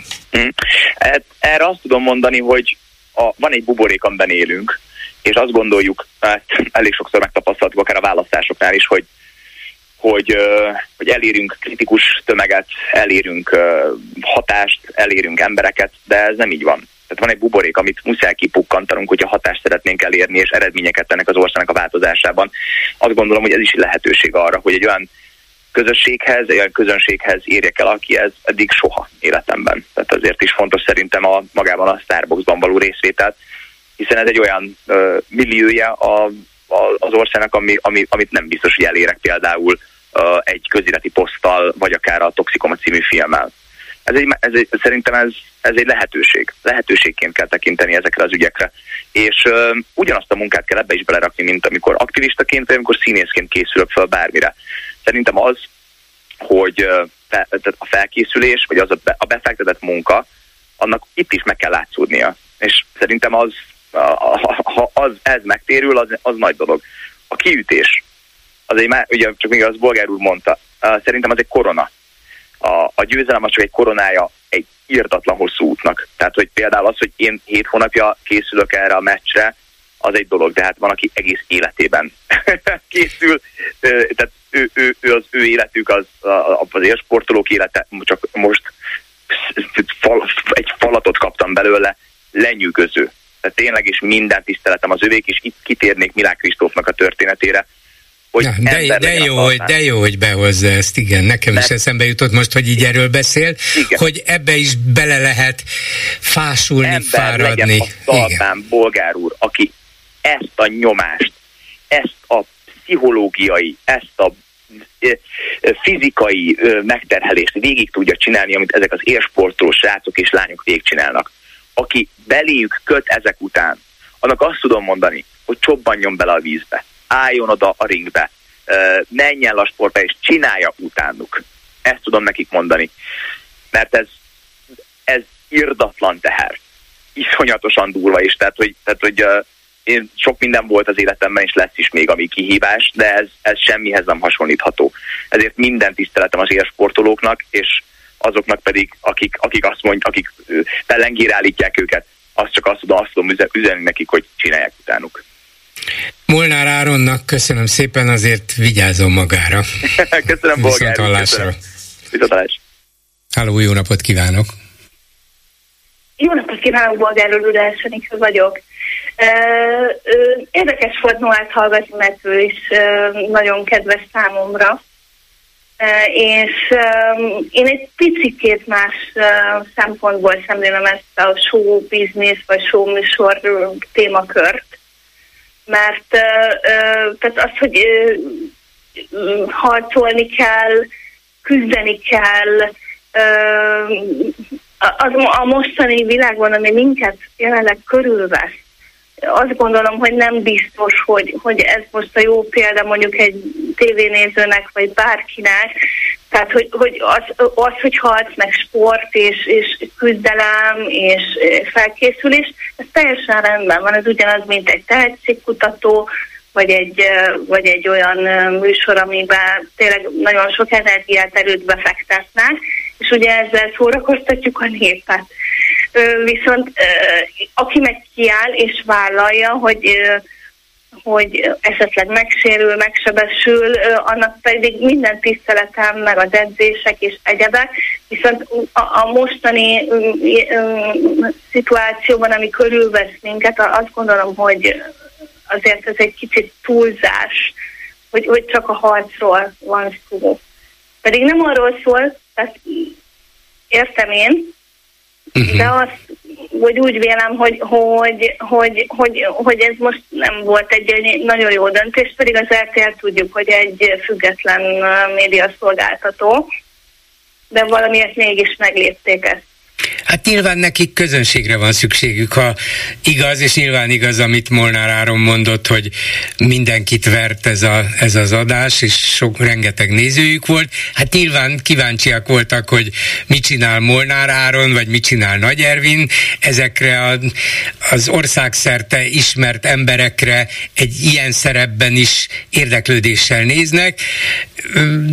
Úgyhogy ebből a szempontból lehet, hogy az RTL jól döntött, bár a műsort érik egyébként súlyos kritikák, hogy alig nem, nem tudom, negyed óra vagy húsz perc volt belőle a sport, a box, az összes többi csak habosítás, és az már kevésbé volt jó, de hát a, a tévécsatornának megvannak a maga szempontjai, például azok, hogy minél többen nézzék őket. Igen, meg ezek, ezek a műsorok, akár a tehetségkutatókat veszük, akár egy ilyen valóságsót, ezek ilyen nemzetközi licenszek alapján vannak felépítve.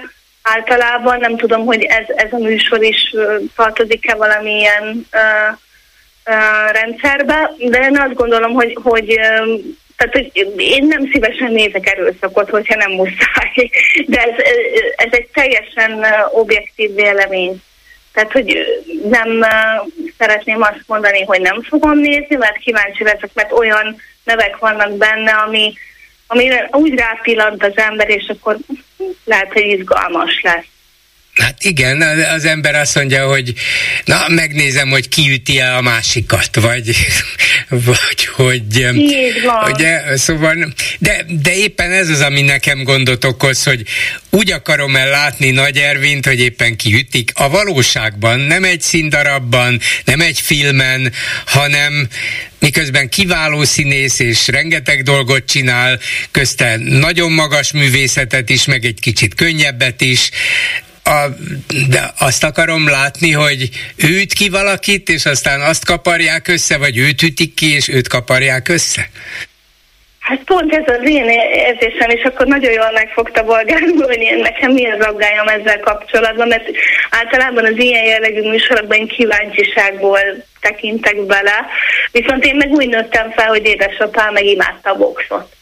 Tehát hogy az Eurosporton még akkor a kábel tévét, a 90-es évek, néztük éjjel a boxot, hogy valaki játszott valakivel, vagy a kokó, vagy a, a, a madár. Tehát, hogy, hogy én értem ezt, hogy, hogy sót kell csinálni, de, de nem biztos, hogy, hogy törzs, közönség leszek ezzel Hát igen, mert egy, egy, dolog a, egy dolog a show, és más dolog a, a sport, a box, és ott is lehet az embernek fenntartása, hogy ő azért nem biztos, hogy a legjobb sport az, ahol, ahol hülyére lehet verni a másikat, de nyilván igyekeznek vigyázni, és azok, akik ezt, akik ezt hivatásszerűen csinálják már gyerekkoruk óta, nyilván tisztában vannak a vesz veszélyekkel is tudatosan vállalják, és így készülnek, és valóban nézni ezt a sportot, bármennyire durva is, és lát, bár vannak manapság ennél sokkal durvábbak is, azért tegyük hozzá. Igen, szóval, a igen, igen, igen, tehát borzasztó dolgok is vannak. Ehhez képest a, a box az valóban stratégia, taktika, öm, nagyon érdekes két ember, ahogy fölméri egymást, ahogy méregeti egymást, ahogy megpróbálja megtalálni a gyenge pontokat. Szóval valóban sok minden van, amit az ember érdeklődve figyelhet, még ha nem szakértő akkor is. De más az, hogy a, ha a sportolókat, a hivatásosokat figyeli, és más az, hogyha erre felkészített, de mégis csak amatőröket, akik beleszaladhatnak egy olyan ütésbe, hogy röpülnek a kötélhez. Hát így van, így van, illetve a, ez ugyanaz, mint a másik csatornán a táncolós műsor, hogy hogy celebek vagy ismert emberek elkezdenek óriási erőfeszítéssel dolgozni azon, hogy jól táncoljanak. Tehát, hogy ez most, ez most de, de az nem fáj, ugye, az nem fáj. Ott legfeljebb kevésbé vagy ügyes, kevésbé vagy sikkes, kevésbé vagy vonzó, vagy éppen nagyszerűen mozogsz. Hí, hát hogy tudja ez a fiú vagy ez a lány ezt is meg tud, pedig hát ő nem, nem is táncos, és mégis milyen remekül sikerül. Legfeljebb valakinek kevésbé sikerül. De itt akkora pofont kap, hogy nehezen támoljok ki utána. Nem biztos, hogy ez, Szóval nekem ez gondot okoz, csak ennyit akartam mondani. Nem, én, sem mondom, tehát hogy, csak ismételni tudom magam, nem leszek tölgynéző, de bele fogok pillantani, már csak azért, hogy így tisztában legyek azzal, hogy ez hogy épül fel ez az egész struktúra, illetve hogy azért vannak olyan nevek, például az Áron, illetve a többiek, tehát hogy azért érdekel, hogy, hogy, hogy mi lesz belőle, de az, hogy én egész este ezt a műsort e, tekintsem meg, és minden tiszteletem a felkészülőké, e, de, de, de nem leszek törzs közönség. Köszönöm szépen, viszont hallásra. Én is köszönöm. Szép estét, minden jót. Háló, jó estét kívánok! Jó estét kívánok, Jakab Árpád vagyok. Igen, parancsolja. Hát, néhány hét után megint talán a érem másik oldalát kéne a felmutatni a klubrádiónak, ezután a rendkívül Ne idegesítse föl a hallgatóinkat, ne idegesítse. átéltünk. Én a, a, a, a, a, a, tudom, hogy nem illik kérdezni a, a műsorvezetőt, de ugye szokott nézni televíziót, és lát ilyen 12-es karikákat a reklámok előtt. Hogyne, szoktam. Szegény 12 év alattiak ki vannak zárva az alól, hogy rássanak egy akku porszívót, vagy, vagy, vagy, vagy egy kutya eredel reklámot, ö, és akkor jönnek ugye a 16-os karikák, és 18-as karikák. Tehát sajnos tele van az életünk úgymond cenzurázással, amit hát ki lehet terjeszteni akár más etikai tartalmakra is. Uh-huh. És De a azért igen, ha így beleszólhat, én a jó mondja a kérdését. Tessék, és tessék, tessék, tessék, nem csak azt akartam mondani, hogy ez nem cenzúrázás, ez figyelemfelhívás, ez egy ajánlás, hogy ide figyelj, kedves szülő, látod ott Aha. azt a 12 éves vagy 12-es karikát, uh-huh. ha kis ilyen, ennél kisebb gyereked van, akkor lehetőleg ne nézesd vele a, a reklámot, mert te is jobban jársz, hogyha nem kap rá erre, meg nem kap rá arra is nem fogja azt mondani, hogy anya ezt vedd meg, apa azt vedd meg, mert a gyerekeket így is el lehet bolondítani. Jó, hát a de a szülők... múzeumban is de a szülők, a, a szülők nem gondosságot fog... lehet alkalmazni. Azt lehet. Hogy figyelj ide gyerekem, 18 éven aluliaknak nem ajánlott, légy szíves ne elmenni. Na de, de, Na de, most, de hogyha... a televíziónál nem tiltják meg, csak fölhívják a figyelmet. De, hogyha... hát úgy, de itt is azt mondom, hogy a fiamnak azt mondom, hogy ne menj el. Erre a fiam, mit tudom én, mi, hol, utána ás, WordPress fotónak a világ hálóján, vagy akárhol, már csak azért is megkeresi, vagy akármi. Tehát ez, ez, ez végső soron, végső soron csak ajánlás. Hát igen, és, és megnézheti az interneten azt a nyomorult fotósorozatot, amit így el van, akarnak így van, így van, így van. Én inkább a, a tartalmi részéhez szeretnék hozzászólni, hogy uh, ugye talán egyetértünk abban, hogy van egy-két-háromszáz ezer idős otthon a világban. Biztos Magyarországon van, is van legalább 600. És, és nem-e valamilyen nyomulásnak a jele az, hogy hogy egy, egy, egy LMBTQ közösséget mutat a WordPress fotó, lehet, hogy mit tudom hogy valahonnan még ez a szervezet, amelyik ezt az egészet rendezi, talán még egy kis szponzorálási pénzt is kap, hogy ilyesmit is tegyen bele, mert hallottunk már ilyet, meg mindjárt jártunk médiaiskolába, ugye? Úgyhogy hogy, ö, ö, ö, nem tudom, hogy, hogy hol lenne az a határ, egy ilyen, egy ilyen akármilyen kiállításon, vagy ott kötelesen a WordPress fotónak a kiállításán, ahogy tényleg azt mondaná mondjuk a klubrádió zöme is, hogy hát ez aztán már tényleg igaz, hogy ezt, ezt, ezt valahol módon zárolják a 18 év alattiaknál. Na jó, és, akkor erre hadd válaszoljak. Igen?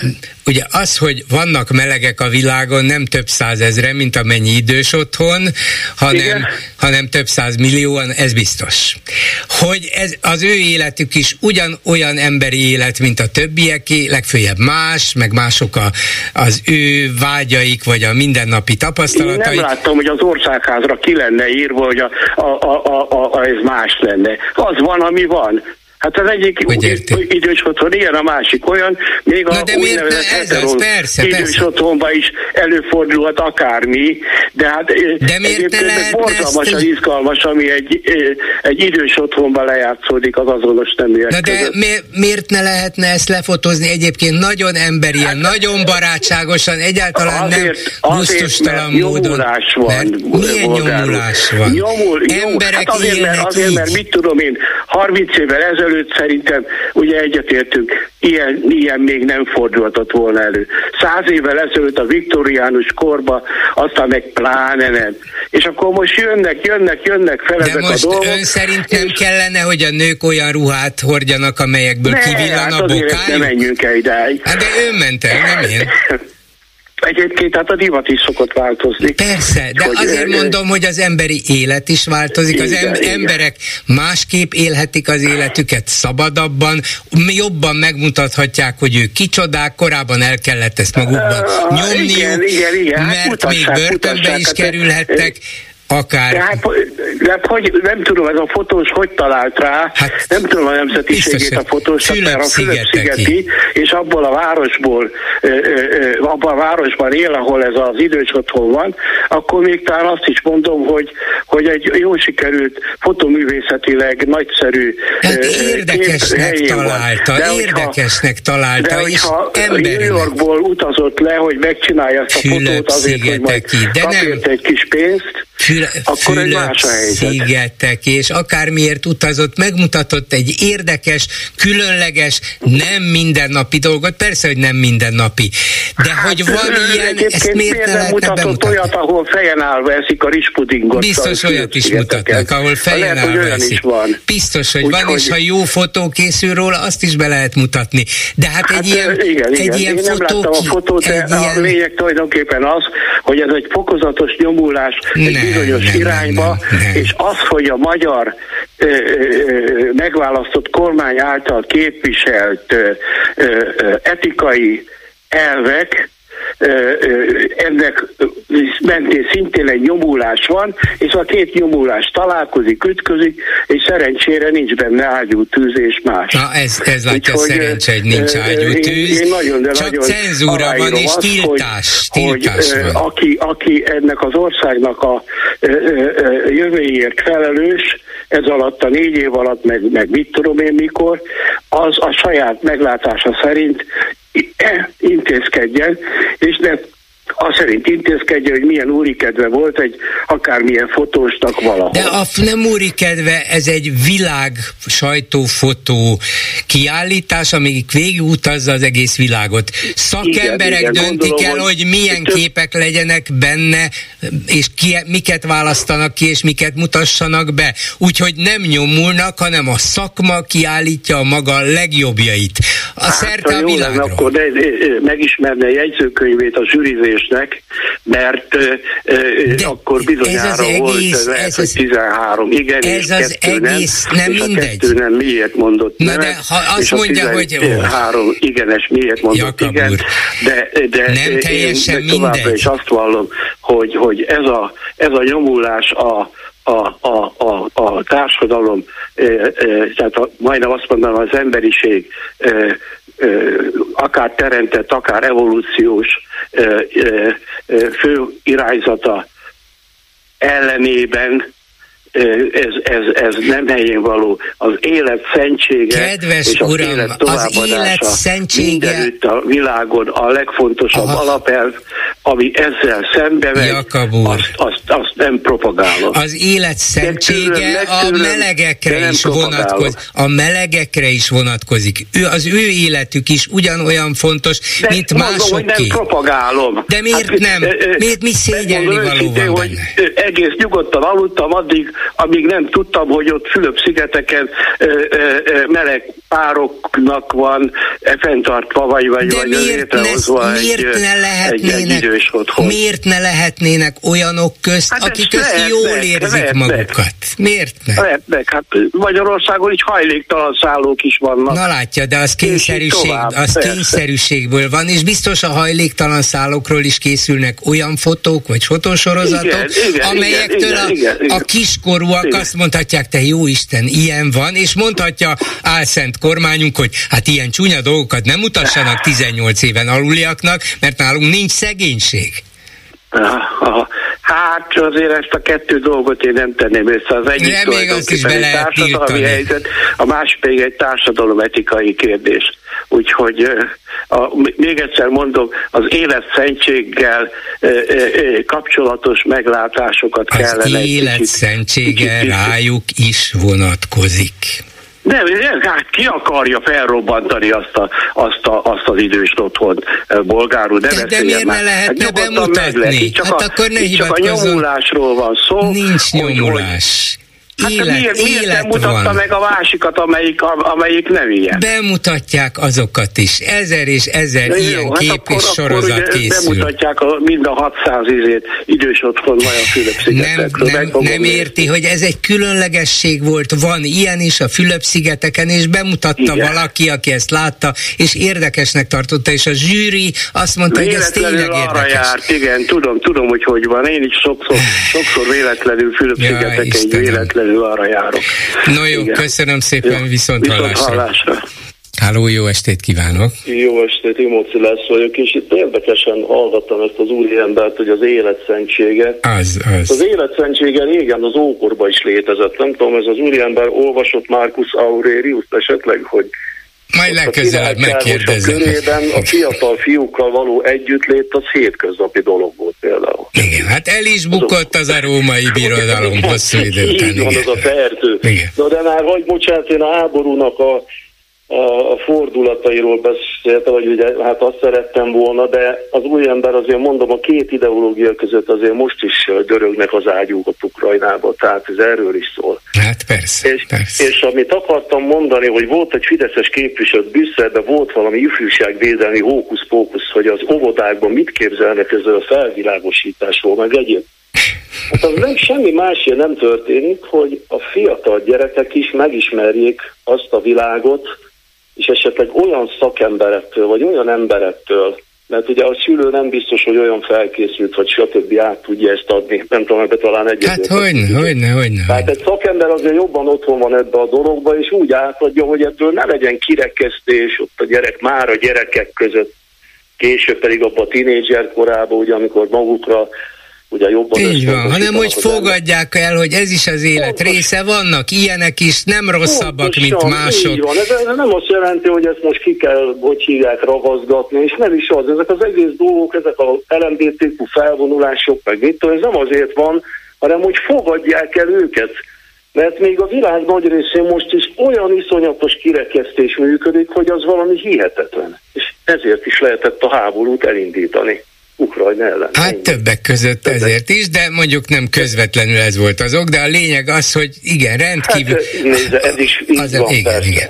Hogy a, a szabadság az nem azt jelenti, hogy bármit meg lehet csinálni, hanem pont azt jelenti, hogy a törvények szerint élnek emberek a demokráciába, szerintem. Igen, és hogyha... Hogy mindenkire egyformán vonatkozik. És hogyha a törvénye, törvények nem felelnek meg annak, amit egy társadalom szeretne a saját szabadság érdekében, akkor lehet rajtuk változtatni, de nem a szabadság korlátozásával, ahogy nálunk, de, hanem megpróbálni. Igen, alapvetően egyébként a háborús készülődése, meg akármire akarok mond, utalni, hogy ugye a, a, hogy mostanság a farkasok szoktak farkast kiáltani, tudja a békért kiáll most ja, ja. témát váltott hogy, a, hogy ugye aki nagy békepárti, azok ugye általában nem szoktak fegyverkezni, meg háborúra készülni, mert azok bíznak az utolsó pillanatig is a békében. De én attól tartok, hogy aki kezd beszélik, és ugye, hogy a ukránok nem hajlandó békét megoldás, meg ugye az oroszok ugye nyitottak erre állítólag, akik, akik ugye, eh, hogy mondjam, rájuk törték az ajtót, úgymond ezekre az emberekre, így képletesen. Hát azokkal nagyon nehéz, nagyon nehéz úgy beszélni, hogy hát eh, ne haragudjatok, hogy így rátok törtük az ajtót, tehát mi szóltunk, ugye nekünk vannak, vannak, eh, hogy mondjam, feltételeink, pontosabban irányelveink, hogy amit ti csináltok, az számunkra elfogadhatatlan. Független, hogy szuverén állam vagytok, de mi úgy gondoljuk, mi vagyunk az erősebbek, mi nyugodtan rátok törhetjük az ajtót, és a mi elveinket rátok erőltethetjük. Hát igen. És most gondolj el, hogy a bent lévők, azok hogyan tudnak ehhez viszonyulni, ami nem csak ajtótöréssel, hanem ugye rengeteg ember halálával zajlott ez idáig is. Hát vagy úgy, hogy, vagy, vagy úgy, hogy megadják magukat, mert ti vagytok az erősebbek, és csináljátok, amit akartok velünk, vagy úgy, hogy megpróbálnak ellenállni. Hát egy, egyelőre Ukrajna ellenáll, mi pedig úgy teszünk, mintha az egészhez semmi közünk nem volna, csak az a fontos nekünk, hogy, hogy hát legyen béke, ami egyébként nagyon fontos, de azon az alapon, ahogy a támadó akarja, biztos, hogy rossz béke lenne. Köszönöm szépen, viszont hallásra, és itt van Lőrinc Saba, aki a Facebook kommenteket olvassa és adja tovább. Szia Gyuri, köszöntöm a hallgatókat. Ungár Gyurcsányról így az első komment. Piszkos Fred effektus. Dicséri ezért azután, aki eddig még nem, mostantól az is utálni fogja. Hát, lehet. Aztán minden fogyó kis ellenzéki párt, így a következő komment, a DK mellett, csak, vagy csak ellene? mondom, hogy a főszerkesztőnk, Hardi Mihály is írt a Viberen, hogy Piszkos Fred megvédte Fülig Jimmit. Na. Igen. Minden fogyókis ellenzéki párt a legnagyobb DK mellett vagy ellen próbálja pozícionálni magát a választók fejében. Inkább dolgozniuk kellene programot, együttműködési kereteket kidolgozni, ezzel járni az országot, növelni a szavazóbázist. Persze ez sok munka. Hát igen, igen. Jó, de a munkához hozzatartozik a nyilatkozás is, interjúadás, szereplés, akár nagyot mondás is, azzal valamilyen figyelmet lehet kelteni. Nyilvánvalóan csak továbbra is ott vagyunk abban, hogy mekkora esélye lehet eh, darabolva az ellenzéknek, ha együtt sem igazán jön össze. Aztán 18 éven aluliakat kitiltani a múzeumokról, dühöng az ostobaság, van ennél még lejjebb így a kérdés? Mindig van. Lejjebb mindig van. Amúgy Schiffer kisújában több ész van, így az, az egyik kommentelő, mint az önök hallgatóinak összes agyvelejében. A válasz rá, az a probléma, hogy Schiffernek a kisújában van az esze, már ami van neki. Érdekes polémia. hogy Schiffer eszes ember, ez nem kétséges, persze. Nagyon sokat tud, és... Csak hogy mire és használja azt. Ez, igen, igen, az, hogy ez tényleg, hogy a mi hazánkhoz elszegődni, nem a, nem a miénk. Ennyi lett volna a komment szekciómára. Köszönöm szépen, ezzel a megbeszéljük mai műsora véget ért.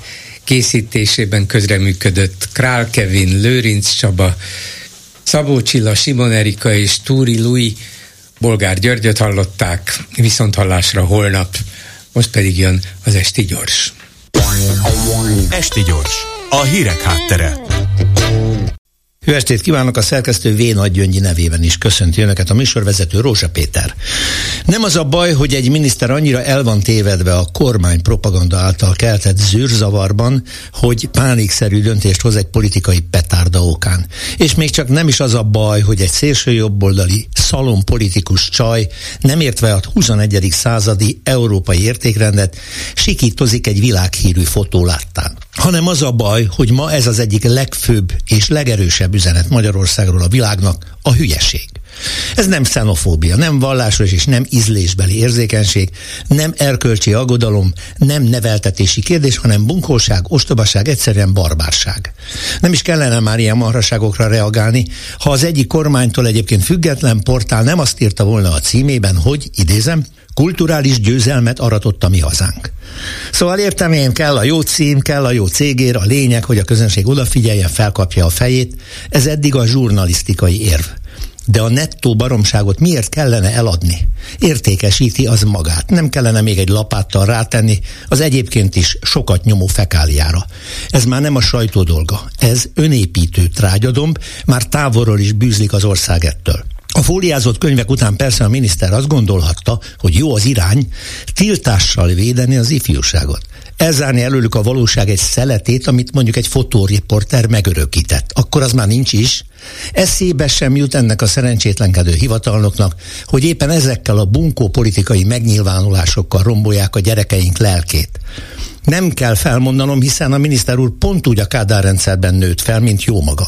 Jól ismerjük a kulturális élet tiltásai, tűrései és támogatásai által okozott szellemi kártevés eredményét. Az értő és művelt és tanulni vágyó fiatalok vagy elmentek, vagy belső emigrációban élték tovább az életüket. Igaz, hogy most, mintha lenne egy reménysugár, hiszen bekötött szemmel azonnal sok fiatal vonult a Nemzeti Múzeum elé, hogy kifejezze, szerintük az ilyen döntések politikai vakságra utalnak. Némi vigasz és történelmi tapasztalat, hogy amikor a buzgó csinovnyikok rendszere megbukik, és végre kinyitják a szemüket, rettenetes lesz látniuk, hogy mennyire más a való világ, mint amit hatalmuk idején másokra akartak erőltetni. Ilyenkor egyet tehetnek, mivel a csomagolásban már amúgy is szereztek némi gyakorlatot. Gyorsan befóliazzák azt a szellemi trágyát, amit korábban összeraktak, és jó mélyre elássák. Így legyen. Esti gyors, a hírek háttere.